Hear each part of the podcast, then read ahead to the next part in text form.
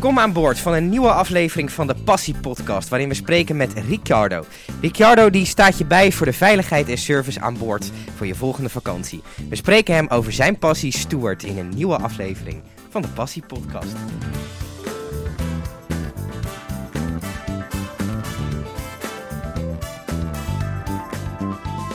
Ricciardo, leuk dat je er bent. Ja, welkom. Ehm, wat, eh, wat doet een steward eigenlijk precies?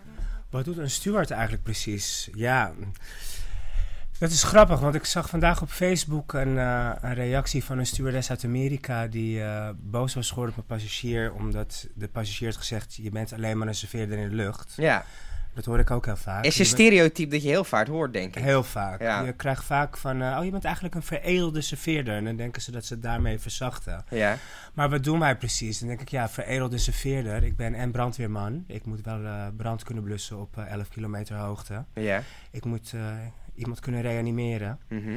Ik moet eh, binnen 60 seconden een hele vliegtuig kunnen evacueren. Ja, Ik ben eh, babysitter. Ik ben politieagent. ik ben EHBO'er. Ja. eh, maar bovenal ben, doe ik dat met een lach. En serveer ik ook nog eens de drankjes en de, en de hapjes. Maar dat is echt allemaal bijzaak. Ik zorg gewoon dat, dat jij veilig van A naar B wordt gebracht. Als je kijkt naar, eh, want je hebt de opleiding gedaan, denk ik dan. Ja. Hoe lang duurt dat?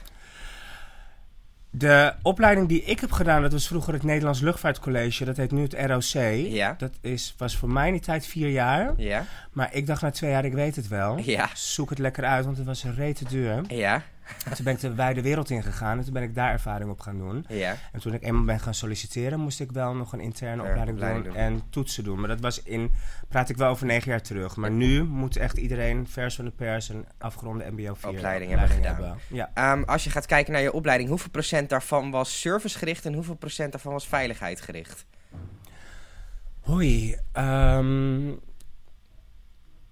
in de training die... Op, je bedoelt op school? Of De, destijds op school, hoeveel procent van de vakken die je kreeg, wat je leerde, ging eigenlijk over de veiligheid en hoeveel was op school ging het niet zo heel veel over veiligheid. Op school gaat het meer over eh, hoe, hoe, hoe je zelf voorkomt, eh, hoe je handelt. Wel een beetje, maar niet zoveel. Kijk, als jij bij een maatschappij wordt aangenomen, krijg je natuurlijk ook nog een interne training. Ja. En daar word je echt gestampt op de veiligheid. Want het is per toestel Mhm. is dat eh, verschillend. En nou stelt IATA, dat Mhm. heet, dat is de ehm, eh, soort vereniging voor alle luchtvaartmaatschappijen en bedrijven. Als ik het zo goed zeg, wereldwijd. Die stelt allemaal eisen aan alle stewards en stewardessen over de hele wereld. ja, En daar moet je wel minimaal aan voldoen. ja, Maar dan heb ook nog elk bedrijf, bijvoorbeeld eh, het bedrijf waar ik voor vlieg, die heeft maar die heeft twee hele kleine toestellen, om het zo te zeggen. ja. Een 700 en 800. Ja. En daar word ik echt, op die toestellen word ik getraind. Dus alleen die veiligheid krijg ik dan tot mijn beschikking. Wat eh, is nou het verschil tussen een klein vliegtuig en een groot vliegtuig op het gebied van... vei- is eigenlijk aardig hetzelfde, of niet? Een klein vliegtuig en een groot vliegtuig, ja, toch wel het aantal stoelen. Ja, ja, dat, ja, dat is een hele serie. Maar in principe zijn er de veiligheid, veiligheidsdingen hetzelfde in, volgens mij, of niet? Over het algemeen wel. Kijk, je moet als steward en stewardess moet je wel weten wat je moet doen als er brand uitbreekt. Of Ja. als er paniek uitbreekt. Of als er wordt gevochten. Of als er iemand flauw valt. Of ik, heb zelfs, ik krijg zelfs training om een, bijna een bevalling te doen, zeg maar. Kan Als- ook gebeuren. Dat kan ook gebeuren. Alles kan gebeuren. En het zit op 11 kilometer hoogte. Ja. En je kan geen kant op. Dus Nee. eh, ik denk dat het, eh, wat dat betreft maakt het niet uit op wat voor toestel je vliegt. Het komt allemaal wel op hetzelfde neer. Ik eh, hoorde laatst iemand het verhaal vertellen dat die zat in een vliegtuig en iemand anders die had een notenallergie. En die had desondanks toch noten binnengekregen. Of nee, pinda's, sorry. Het ging om pinda's, ging het.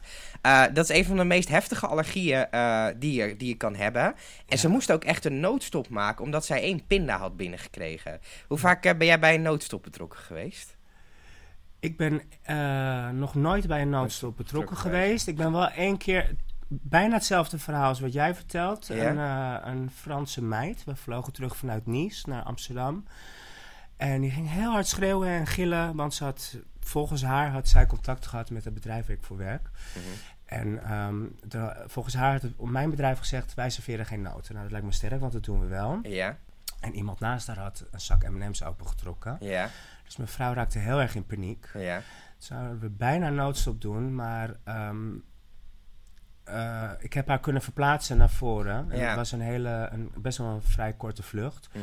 Volgens haar toen ging het goed. Zij zei dat ze van de lucht al dood kon gaan. Dus dat leek, ja, het schijnt heel heftig te zijn het met schijnt wel heftig ja. te zijn, maar soms moet je ook een beetje bedenken van waar is de grens. Want Ja, ehm, ik weet dat mijn bedrijf niet gaat bellen en niet een antwoord geven. Nou, wij serveren voor u speciaal. eh, Nee. Gaan wij tegen een andere passagier zeggen, u mag geen nootjes. Dus dat geloofden wij al niet. Maar goed, het, het, we kunnen niet een, eh, ik kan niet tegen jou zeggen, ik geloof niet wat jij zegt. nee, want het is, wel, het is wel een probleem. Ja. en het was een korte vlucht. En zij nam genoegen met naar voren zitten. Maar we houden natuurlijk wel in de gaten. Kijk, gaat het echt niet goed, dan gaan Dan wij natuurlijk wel eh, een tussenlanding maken. Ja, wat zijn de heftigste dingen die je mee hebt gemaakt?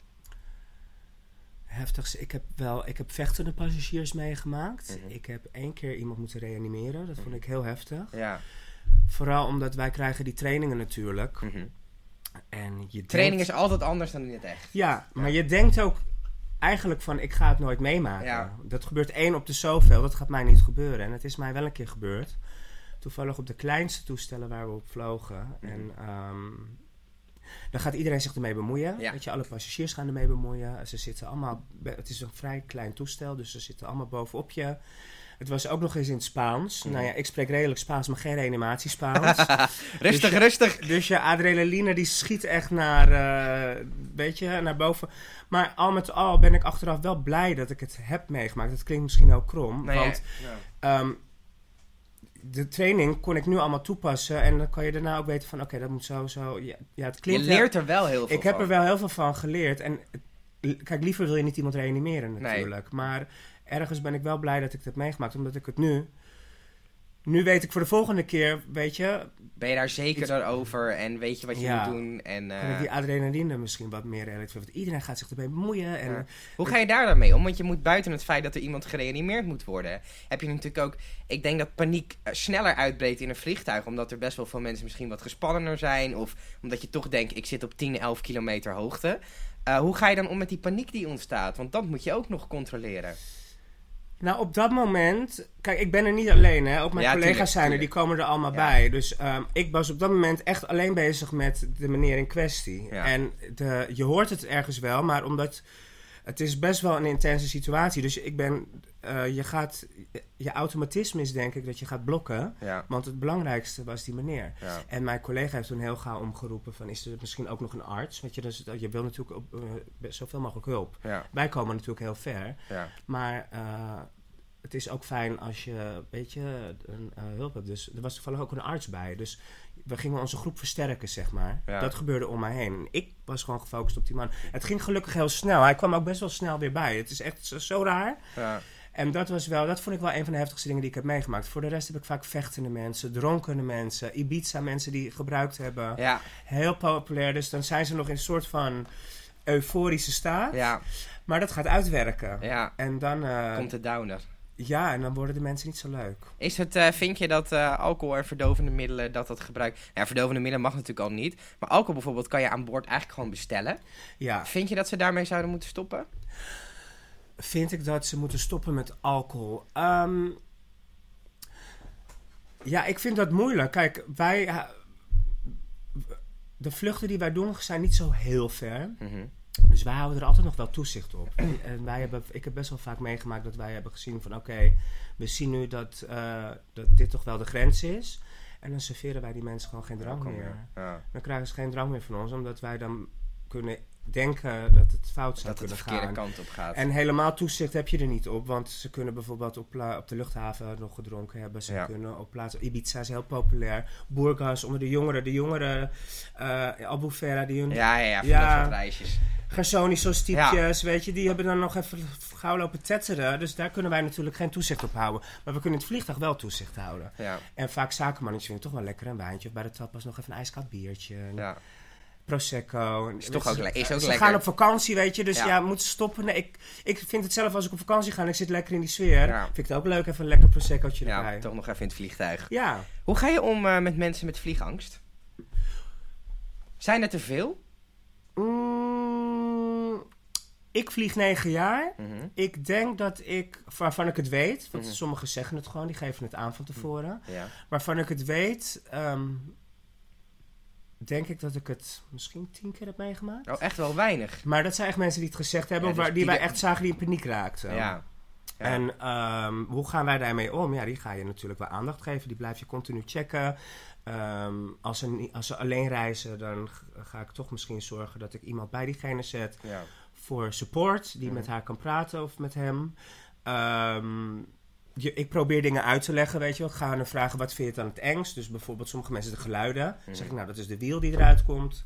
Dat je gaat benoemen wat ze horen Dat en geeft daardoor ook het wel uitleggen. vaak rust. Ja. En, en ehm, kijk, mensen, als je echt, echt, echt vliegangst, die mensen stappen vaak niet eens in een vliegtuig. Want ik ben echt, echt, echt bang voor spinnen. Ik raak geen spin aan. Ja. Maar je hebt ook mensen die bijvoorbeeld echt, weet je, hun kinderen wonen over de zee. En ze willen daar graag naartoe. En dan moet er een kleinkind geboren worden, of het is een overledene of dingen. Sommigen moeten echt het vliegtuig pakken en die hebben echt angst. Ja, en die vis je er wel snel uit hoor. En die ga je wel echt begeleiden. En ze, weet je, ze vinden het fijn als je om de zoveel tijd even met ze praat. En gaat het nog goed? En ja, ja. Ja. Hoe ziet jouw werkdag eruit? Of jouw werkweek? Misschien interessanter bij, eh, bij vliegen, want je weekend zal niet altijd zaterdag en zondag zijn. Nee, in de luchtvaart, de hele luchtvaart wereldwijd, bestaan er geen feestdagen of eh, zon en Ik denk dat feestdagen. het juist extra druk is tijdens vakanties, feestdagen en eh, Ik heb het altijd druk. ja. Bij ons is het altijd druk. Dus ja, mijn werkweek, hoe ziet dat eruit? Heel verschillend. Ik krijg mijn, mijn rooster, die is dan gepland voor drie weken. Mhm. En dan zie ik eh, waar ik naartoe kan gaan, welke dagen ik vrij heb. En ik heb ook wel eens bijvoorbeeld stand-bys. Dus bijvoorbeeld nu, eh, morgen mag ik naar Innsbruck. ja. En daarna heb ik eh, vier stand-bys. Dus ik kan alle kanten op. ja. Het is nooit hetzelfde. En Ja. dat vind ik ook wel leuk. Is dat, ik wou net zeggen, is dat het dynamische wat je er leuk aan vindt? Ja, ik hoef nooit, eh, nooit het is bij mij nooit hetzelfde. Ik heb ook vaak met andere collega's vliegen. Het zijn altijd andere mensen. Elke dag is weer een avontuur. Ja. Echt letterlijk elke dag. Moet je vaak dat je op ergens aankomt dat je daar moet blijven slapen? Eh, dat moet ik niet vaak. Ehm, wij vliegen voornamelijk eh, Europa, Midden-Oosten en Afrika. Dus je kan heen en terug over het algemeen. Ja, maar wij moeten blijven slapen is meer als er iets gebeurt technisch. Ja, Dus als wij ergens aankomen, het is een auto en je hebt een lekke band en er kan Ja. echt niks meer gebeuren of er moet iemand ingevlogen worden of het gaat lang duren, mhm. dan moet ik ergens blijven slapen. maar het is niet standaard dat is twee keer gebeurd. Nee. Ja. En ik ben wel Dubai bijvoorbeeld. Kunnen Mhm. we blijven een paar dagen. Ik ga zelf volgende week naar Kaapverdië. Mhm. Daar blijf ik vier dagen. Ja, Eh, eh, Egypte bleven wij, maar het is nog een beetje onrustig aan die kant. Dus dan Ja. besluiten ze om ons gewoon heen terug te vliegen. Omdat onze maatschappij is natuurlijk verantwoordelijk voor ons. ja. en als, daar, als het gevaarlijk is, ja, Ja. passagiers stappen er vanaf en dan zijn er wij niet meer er verantwoordelijk voor. Maar bij- mijn maatschappij is... wel. Ja, Ja. ja. Zijn daar, komen daar ook, eh, nou ja, Egypte is daar misschien wel een mooi voorbeeld van. Eh bepaalt een vliegtuigmaatschappij dan ook misschien om daar niet meer naartoe te gaan? Of waar wordt dat op gebaseerd? Dat weet ik niet. Dat zijn, dat zijn hogere, de hogere hand die, Ja. dat allemaal, eh, die daar allemaal regels en die dat eh, afweegt. En eh, dat, dat krijgen wij nooit helemaal tot onze informatie. En het belangrijke is gewoon de veiligheid voor ons. Ja, Ook voor de passagiers. Maar een passagier is ehm, verantwoordelijk voor zichzelf zodra hij van boord. Ja. En wij werken Voor de het maatschappij. Dus jullie Dus- zijn daar in werk. ja, dus een hogere hand die, weet je, die bepaalt natuurlijk van nou, het is niet veilig. Dat, Ja. Dat wordt wel nauwkeurig onderzoek naar gedaan. ja. Eh, hebben jullie de veiligheidsinstructie nog, nog... eens- Doe je dat nog zelf? Is dat op video bij jullie? Wij doen hem weer zelf. De Weer? video Oh. is eruit. Waarom is die eruit? Omdat, eh, ja, weet je, de maatschappijen zijn natuurlijk prijsvechters aan het worden. Ja. En ehm, ja, op die korte vluchten mensen keken heel weinig ernaar. Dus Ja. ze hebben hem er, eh, alles eruit gehaald, waardoor het in gewicht ook weer lichter is. ja. En dat scheelt. en dat scheelt ook in benzine. Ja. En eh, wij vermaken de passagiers gewoon. ja. Is het, eh, is het kan je naar moeilijk... scherm kijken als je naar mij kan kijken? Is het moeilijk om mensen hun... eh, ik, ik vlieg regelmatig. Eh, ik moet eerlijk zeggen, ik vind het best moeilijk om me te concentreren die, door die video heen. Ook omdat ik hem nu al best wel vaak gezien heb, dus dat, dat is Ja. misschien ook wel iets. Maar hoe, hoe hou je de aandacht van, die, van de mensen vast? nou, jij geeft wel aan dat je vrij vaak vliegt. Dus jij weet het inmiddels ja, wel. dat is ook waar. En ehm, ik durf echt met recht te zeggen, en misschien met een klein beetje capsones, ik krijg de aandacht wel. en anders zorg ik er wel voor. En het is niet op een negatieve manier, maar ik vind het heel leuk om de passagiers... Ik hoor heel vaak van passagiers, nou ik ga nooit meer met die maatschappij vliegen, of je collega's waren zo zuur, bla bla bla.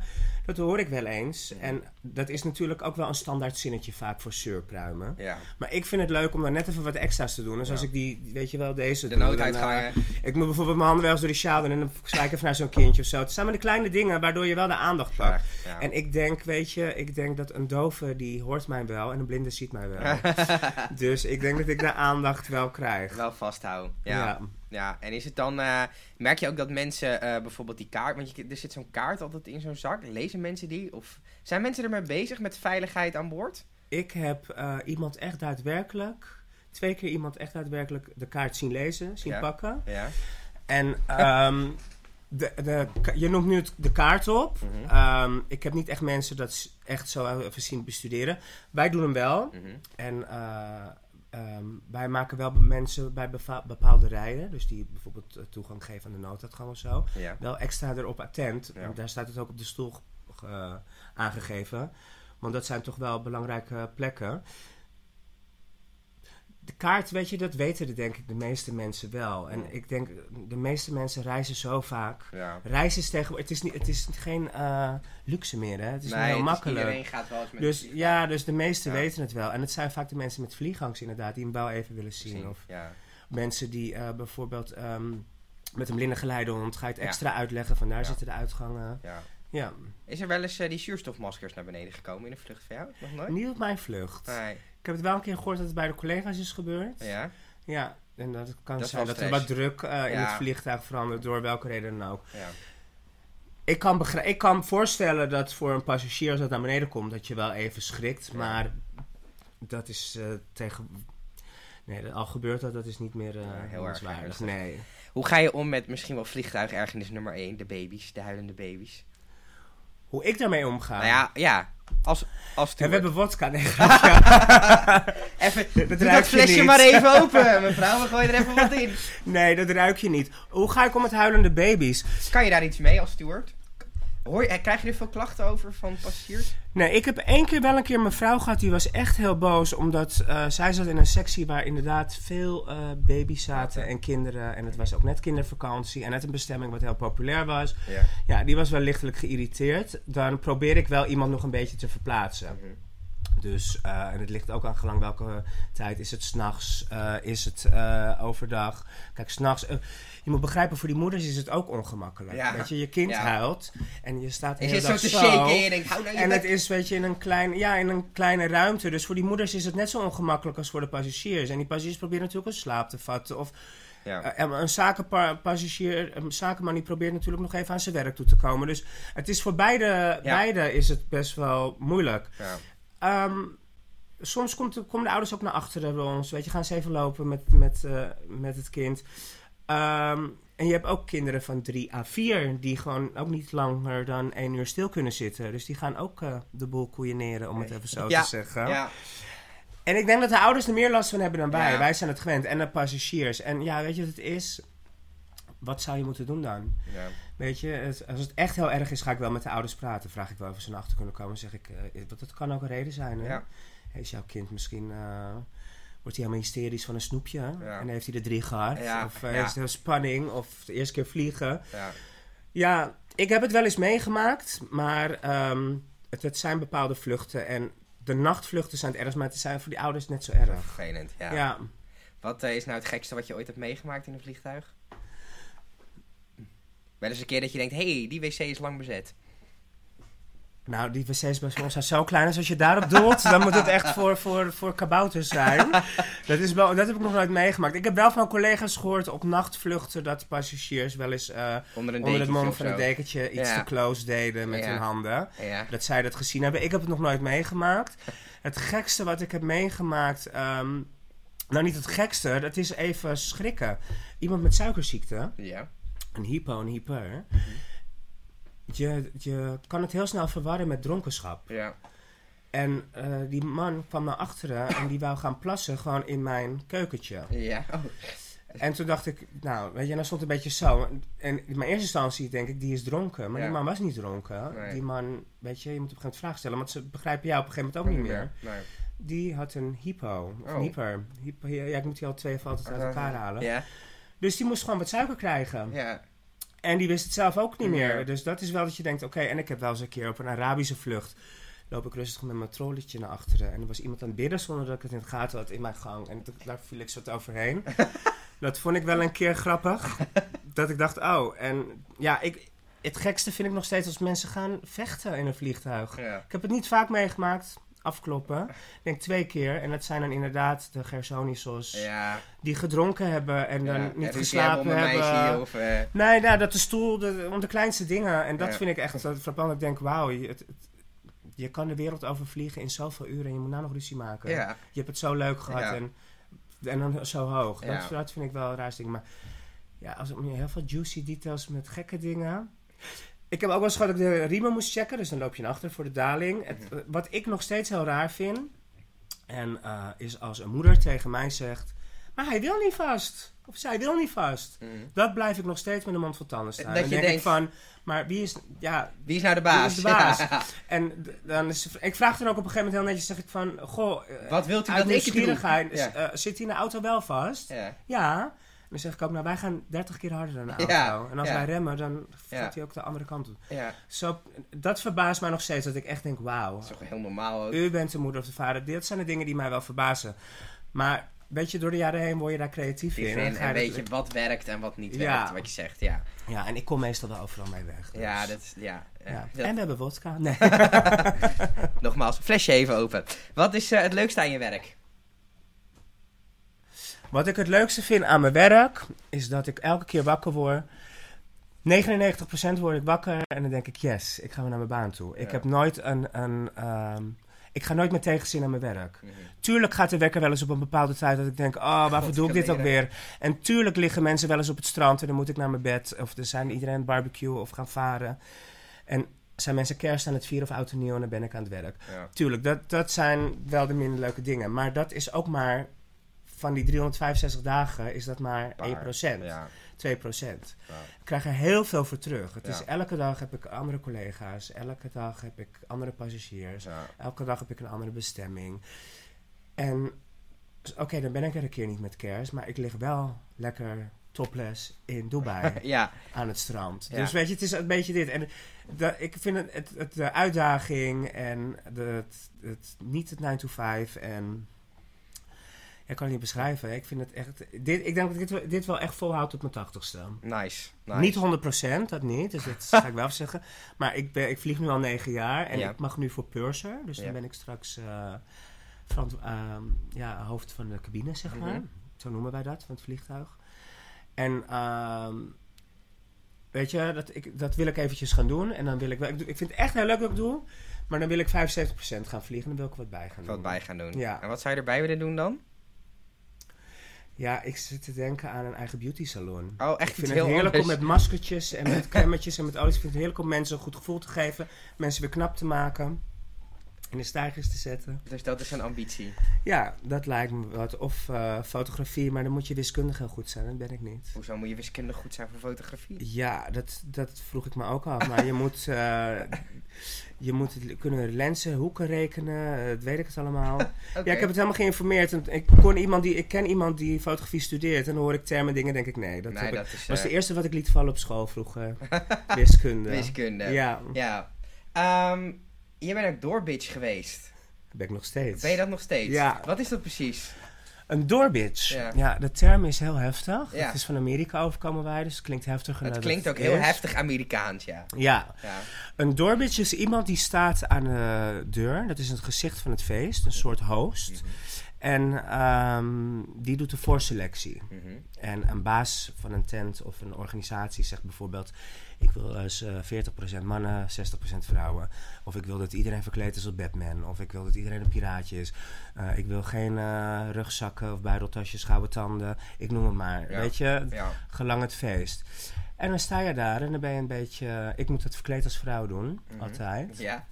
Want ik ben gewoon een hele sexy vrouw. en eh, ehm, dan sta je daar met of de gastenlijst, weet je, die ontvang je, die begeleid je. De VIP's begeleid je, de DJ's begeleid je. eh. ja, en je zorgt dat eh, je selecteert een leuk publiek naar binnen. Dus met einddoel dat het gewoon, dat je echt, echt, echt de leukste mensen binnen hebt. En echt, echt, echt een leuke sfeer creëert. Dat lijkt me wel ehm, als je zegt van, nou ja, stel je voor je hebt bijvoorbeeld 70% man binnen en dat is niet de bedoeling. Eh, Daar komen ze sowieso niet binnen als dat niet de bedoeling nee, maar ik bedoel, dan, komen dan komen ze niet binnen. Eh, je moet dan tegen mensen gaan zeggen, jij mag er niet in. Dat lijkt mij een, een lastig ding en dat ook heel veel dronken mensen daar niet zomaar mee akkoord gaan. Dat ligt eraan hoe je het brengt. Mhm. En het ligt eraan wat, wie er tegenover je staat. Ja? Hoe En- breng je dat leuk? Sorry jongens, ik kan vandaag niks voor jullie betekenen. Eh, we hebben vandaag een feestje met een thema. Of we hebben vandaag een feestje. Of ik heb al zoveel mannen binnen. En eh, jullie zullen ongetwijfeld eh, leuk zijn. Maar ik, mag, ik moet mag hier een niet. grens trekken. Ja. Want anders ga ik allemaal haantjes binnenkrijgen. En waarschijnlijk zullen jullie het niet zijn of wel. Maar ik kan jullie vanavond niet een leuke avond bezoeken. Zorgen, Jullie ja. moeten helaas naar de buren. ja. En dat, vind- dat is dan vaak wel gewoon oké. Ligt eraan. Ik Zie je heb ook creatieve dingen dat je mensen ziet die ineens terugkomen nog een keer en het nog een keer gaan Ja proberen? hoor, Of- paspoorten verwisselen, Ja, ja, ja, eh, kledingstukken verwisselen, En haar ook anders. Vooral vrouwen zijn dat die dat doen. Waarom, Ja. waarom zijn dat vooral vrouwen, denk je? Nou, omdat ze dan nog de leeftijd niet hebben en echt per se naar binnen willen. Want die ene jongen is binnen, hun vriendinnen zijn ook binnen. En ze willen chansen. Ze mogen van papa uit of mama en papa is op vakantie. Ik mag nu stiekem weg. Ja, Ja, ik vind het soms ook heel zielig. ja Maar kan ik- me voorstellen. Ik bitch niet iemand. Ik bitch pas iemand als die mij bitcht. Als die vervelend terug gaat ja, doen. dan Ja. ga ik mijn nagels vuilen en dan ga ik los. En dan, eh, dan wordt het los. ja, Wat, dan ma- word ik ook goed voor betaald hoor. wat maakt dat zo leuk door bitch zijn? Oeh, nou, ik moet zeggen, ik ben daarmee begonnen op mijn twintigste. Ik ben daarin gerold. Mhm. Maar dat is eh, een verhaal apart, want ik dacht echt vroeger travestiet, echt niet. Dat ga ik echt niet worden. Ja, Als ik ze zag, dan kreeg ik zelfs plaatsvangende schaamte. ja. Maar alles waar ik van heb gezegd, dat doe ik niet. Ben ik de extreemste geworden.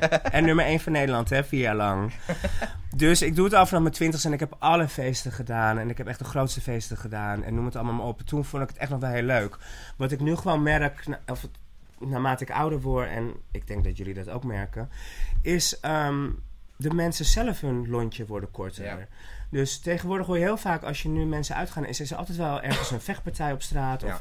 ze hebben ruzie. Als je, je kan het nieuws niet openen of iemand van 14 heeft al iemand neergestoken of Het geschoten. gemoedelijke raakt er een beetje vanaf van het stappen. Het, het leuke is bijna is ver te zoeken nu. Dus, en eh, dat merk je ook aan de deur. Waar Het komt dat door? Is dat alcohol? Dat het toch heftig Ik denk televisie, film, ja. die computergames. eh, Meer agressie in de maatschappij. in- ja, in en die media jongens en- tegenwoordig willen allemaal. Ze willen de, iedereen. Er is zoveel te koop en zoveel is mogelijk tegenwoordig. Dat mensen willen het heel snel en, eh, en er zo weinig mogelijk voor doen. Ja. Dus dat is ook met geld verdienen. En weet je, vroeger mijn leeftijd, die mensen hadden een beetje Tony Monta- Montana-syndroom. Ja, Want die zagen alleen Scarface. ja. Maar nu, al die, die, die maffia-series en op de heftigste manier worden ze al vermoord op televisie. En Willem Holleder, dat is heel populair voor jongens, weet je wel. En eh, die willen dat ook. En dan gaan ze meten en dan worden ze nog heftiger en, ja. en jonger. En ze willen zo snel mogelijk geld verdienen. Dus de criminaliteit is ook veel hoger. En ik denk dat daarom eh, dat, dat de sfeer gewoon ja, minder leuk aan het worden is. Plus, alle jongens en meisjes kan je tegenwoordig zo voorbij swipen. Kinderen, Dus iedereen Kan ook heel leuk zijn gedaan. natuurlijk. Dat kan heel leuk zijn, maar er is zoveel te koop. Dus iedereen, dat haantjesgedrag wordt ook hoger. ja. Want als, oké, zij heeft geen mooie voorgevel, maar die wel. Dus die switch ik het met die. Dus die hebben met die gedaan. En alles heb ik met elkaar gedaan. En als er dan drank bij komt kijken, dan ontploft de boel. En, ja, want jij hebt het met, met haar gedaan. terwijl ja, ik heb en jij bent mijn beste gedaan. vriend. Ja. En eh, dat mag niet. En huppatee. Ja. Dat denk ik. Ja. Maar goed, En hoe ga je daar als doorbitch mee om? Ze moeten eerst langs mij. dus uiteindelijk zijn ze Dus. van jou afhankelijk. En ik heb zo een bondjas aan en mijn nagels zijn gevouwd. Dus ze gaan echt niet zomaar langs mij. Du- durven, ze, durven ze bij... Ik kan me voorstellen, durven ze bij de hand te zijn tegen jou? Groepjes mannen die gewei- geweigerd worden. En eh, kijk, ik, wij, ehm, ik ben verbaal heel sterk. Mhm. Lichamelijk niet. Maar groepjes mannen die geweigerd worden, Mhm. die voelen zich sneller aan hun ego getast. Vooral als het door een travestiet is. Ja, dus dan gaan ze Dus fysiek- die gaan sneller, nou niet fysiek, maar die gaan sneller. Die worden sneller, eh, hun emotie gaat hoger Ja. en sneller. Maar ja, ik doe het al zo lang, dus ik weet precies wat ik moet zeggen en doen. Ja. En je hebt Durven ook altijd beveiliging om je heen lopen waarschijnlijk. Of... Er staan altijd portiers achter Ja, me, ja. ja. En ik ben niet bewust iemand aan het kwetsen of weigeren. hè. nee, nee, nee, maar het, het- mensen voelen dat misschien zo, terwijl dat niet zo is. Soms, soms gebeurt dat wel eens, ja. En dan, maar dan leg ik het ook uit. Het is niet persoonlijk. Het is gewoon nu even niet. Dit En- is wat het feest is en... eh, Nee, maar de meesten weten het wel. En, en bij Ru- Ruizen bijvoorbeeld, waar ik in Haarlem sta, daar sta ik echt al acht jaar ook. mhm. Vind ik super leuk nog om te doen. Dat doe ik nog steeds af en toe daar. En die mensen, die kennen mij inmiddels wel echt. Ja, ik ben ja. echt wel, denk ik, een begrip inmiddels in Haarlem. Ja, Dus die kennen mij wel. En dus die weten ook wel wat ze te wachten staan. ja. En nog, inderdaad, komt hele crea, crea momentjes tevoorschijn. En ik vind het ook wel leuk. Is het ook omdat ze jou kennen dat ze weten hoe ze bij jou waarschijnlijk binnen kunnen komen? Nee, ze staan, sommigen zijn echt wel braaf in de rij hoor. Ja? Sommigen die en sommigen die krijgen al een rood gezicht als ik al hoi zeg. Ja, dus die denken, oh, gaat me bitchen. Ik ga je niet Hey, bitchen bitchen. als jij gewoon jezelf gedraagt en... Weet je, als jij in de rij staat met, ja, ik zie aan jou, je gaat een feestje Jij hebt er houden. zin in. En je, gaat, zin je maakt in. het leuk. Je hebt ja. leuk, weet je, en dan trek ik je nog de volgende keer naar voren ook, Ja. zeg maar. Dat doe ik ook. Is het niet zo dat de, de Doorbitch misschien wel een beetje een negatief imago heeft, terwijl eigenlijk als je gewoon positief erin staat en leuk erin staat, hoeft het geen probleem voor je te zijn. Ik denk alleen dat het woordje bitch het een negatief imago geeft. Ja. En het ligt echt aan de feesten. En het negatieve, negatieve imago is meer als je echt mensen moet gaan selecteren op uiterlijk. Ja. Kijk, ik selecteer. Ik, als ik, van- ik heb wel eens bij een feest ben ik ingehuurd en dan kwam ik aan en toen zei iemand van ja, eh, kleurtjes wil ik niet zo en zo. Ik zeg, dan heb je de verkeerde gehuurd. Ja. Dat doe ik niet. Ik ga niet iemand weigeren op zijn kleur, Ja. op zijn uiterlijk of op zijn seksen. Dat doe ik niet. Tenzij het een, een, echt een homofeest is, Ja. maar dan alsnog bij homo's mogen vrouwen ook. Maar ja. ja. echt, oh, dat doe ik gewoon absoluut niet. Ja, je hebt een van de meest populaire doorbitches in Europa. Dat is in de Bahrein, zeg ik dat goed? In Duitsland. Ken je dat? Of.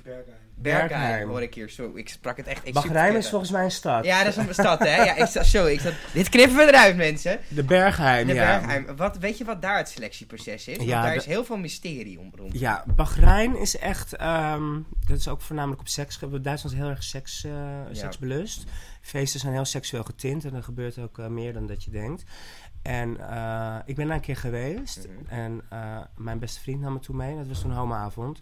Daar werd je echt geselecteerd op knap zijn en Ja. eh, ben je een beetje gespierd of whatever. Heb je ook nog avonden dat het half naakt is. Dus Ja. dan zeggen ze ook van nou alleen mannen, weet je.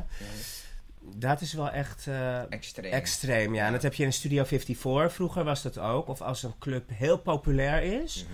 Of eh, ik heb ook wel eens als het echt heel druk is, dan moet ik ook gaan selecteren. En dan Ja. zeggen ze ook gewoon van, eh, zeg, krijg ik in mijn oor verluisterd van, oké, nu is het te vol met mannen, nu echt even geen mannen meer. Ja, Vrouwen, want anders krijg je gewoon, anders heb je gewoon, verhoog je gewoon de kans op een negatieve sfeer. ja. En Studio 54, die deed gewoon echt, die wou echt alleen maar celebrities binnen en beroemdheden. Dus dan kon je staan in de rij, maar als jij niks voorstelde, nou, d- daar heb ik nog nooit voor gewerkt en dat doe ik ook niet. Dat is ook... eh Privéfeest van Gordon wel. Ja? Heb ik wel eens gedaan. En Ja. dan moest ik wel echt alleen de bekend Nederlander binnenlaten. ja. laten. Ja. ja, maar dat is... Ja, oké. ja. Ja. Ehm, ja, lijkt me heel erg leuk. Lijkt me een fantastisch beroep eigenlijk stiekem ook erbij. Ik vind het nu nog heel leuk om erbij te doen. Maar ik doe het niet meer zoveel als dat ik deed. Dat kan ook niet met mijn eh, baan in de luchtvaart. Weet je, ik leef natuurlijk onregelmatig. Maar als mijn rooster het toelaat en ik krijg een leuke boeking binnen. En Haarlem eh ruis doe ik altijd, Altijd. wel als ik kan. Weet je, dat vind ik gewoon leuk. Is er, die, ik ben heel goed bevriend met de eigenaar. En dat vind, dat, ik ben zelf van Haarlem, dus dat vind ik wel leuk. ja. En in Nederland zijn we daar toch dan nog wel even wat normaler in dan in het buitenland misschien. Qua, do- qua policies door, voor doorbeleid en dat soort dingen. Ik denk dat ze in Nederland nog wel soepel zijn. Ja. Ja, in het buitenland zijn ze echt veel strenger. Ja. In Ibiza heb ik het ook heel lang gedaan, zes jaar lang. Mhm. En daar heb ik echt op feesten gestaan dat je gewoon, eh, als jij echt niet super knap bent, kom je gewoon Kom echt niet naar niet binnen. Wat maakt eh, een goed eh, feest een goed feest? Wat maakt een goed feest? Ik vind een goed feest maakt als je echt gemixt publiek binnen hebt, wat goed met elkaar, eh, weet je, verweven raakt. Mhm. En eh, waar iedereen lekker tegen drank kan. Ik zeg altijd, als je niet tegen kan, moet je het mij geven. dat vind ik een goed feest met goede muziek. Niet altijd maar één deuntje, gewoon lekker gemixt. En eh, de sfeer is top. Eh, iedereen kan, kan omgaan met de alcohol. En er worden wat nummers uitgedeeld. En er wordt een beetje gechanst. En een er wordt een beetje gechanst en er wordt lekker gedanst. En ja, Waar sta je over vijf jaar? Waar sta ik over vijf Ja, jaar? wat ben je, gewoon in het algemeen. Dus eh, Hoe oud denk je dat ik ben over vijf jaar? ik heb geen idee. Daar ga Doe ik eens me een schatting. Nee, daar ga ik me echt niet Nee, jij moet een schatting Nee, ik ga geen... Waar sta je over vijf jaar? Ja, maar de, de- ik kan alleen een antwoord geven als je zegt hoe oud je mij schat. Hoe oud schatten jullie hem? Ik ga jullie ook gewoon... eh, Ik weet het dus. Oh, wat denk jij Niels? En 29. 29. Ik hou van jou. Echt. Dat hoop ik wel voor het geld wat het mama gekost heeft. nee, ik eh, ben 38, ik word dit jaar 39, volgend jaar 40. Dus als 45 weet ik niet of ik mezelf nog op die hele hoge hakken zie staan. Ja. Maar zeg nooit nooit. Wel nog vliegen? Ja, wel nog vliegen. Wel Zeker nog vliegen. jawel. En dan misschien toch die beauty salon over vijf jaar. Ja, misschien een beauty salon en misschien, eh weet je, een eh, eigen talkshow. Ik ga met een meisje, Ja? want ik heb ook heel veel volgers op Facebook. Ja. Bijna 100.000. Ja. Gefeliciteerd. Dankjewel. En ik ga met een meisje, eh, wil ik een real-life talkshow gaan doen. Dus gewoon de straat op gaan en mensen interviewen. Lekker. Zoiets, dat lijkt me wel leuk. Ik, als ik je zo hoor, moet dat helemaal goed gaan komen. Ja, en ik heb de rode loper 1 januari uitgelegd, maar hij kwam niet die bus. Dus ik dacht misschien ergens op een eiland met eh, zes chippendales of zo. Lekker man, dankjewel. Graag gedaan. Dankjewel. Was het alweer een half uur? We zijn eh, 35 minuten zitten. Ah!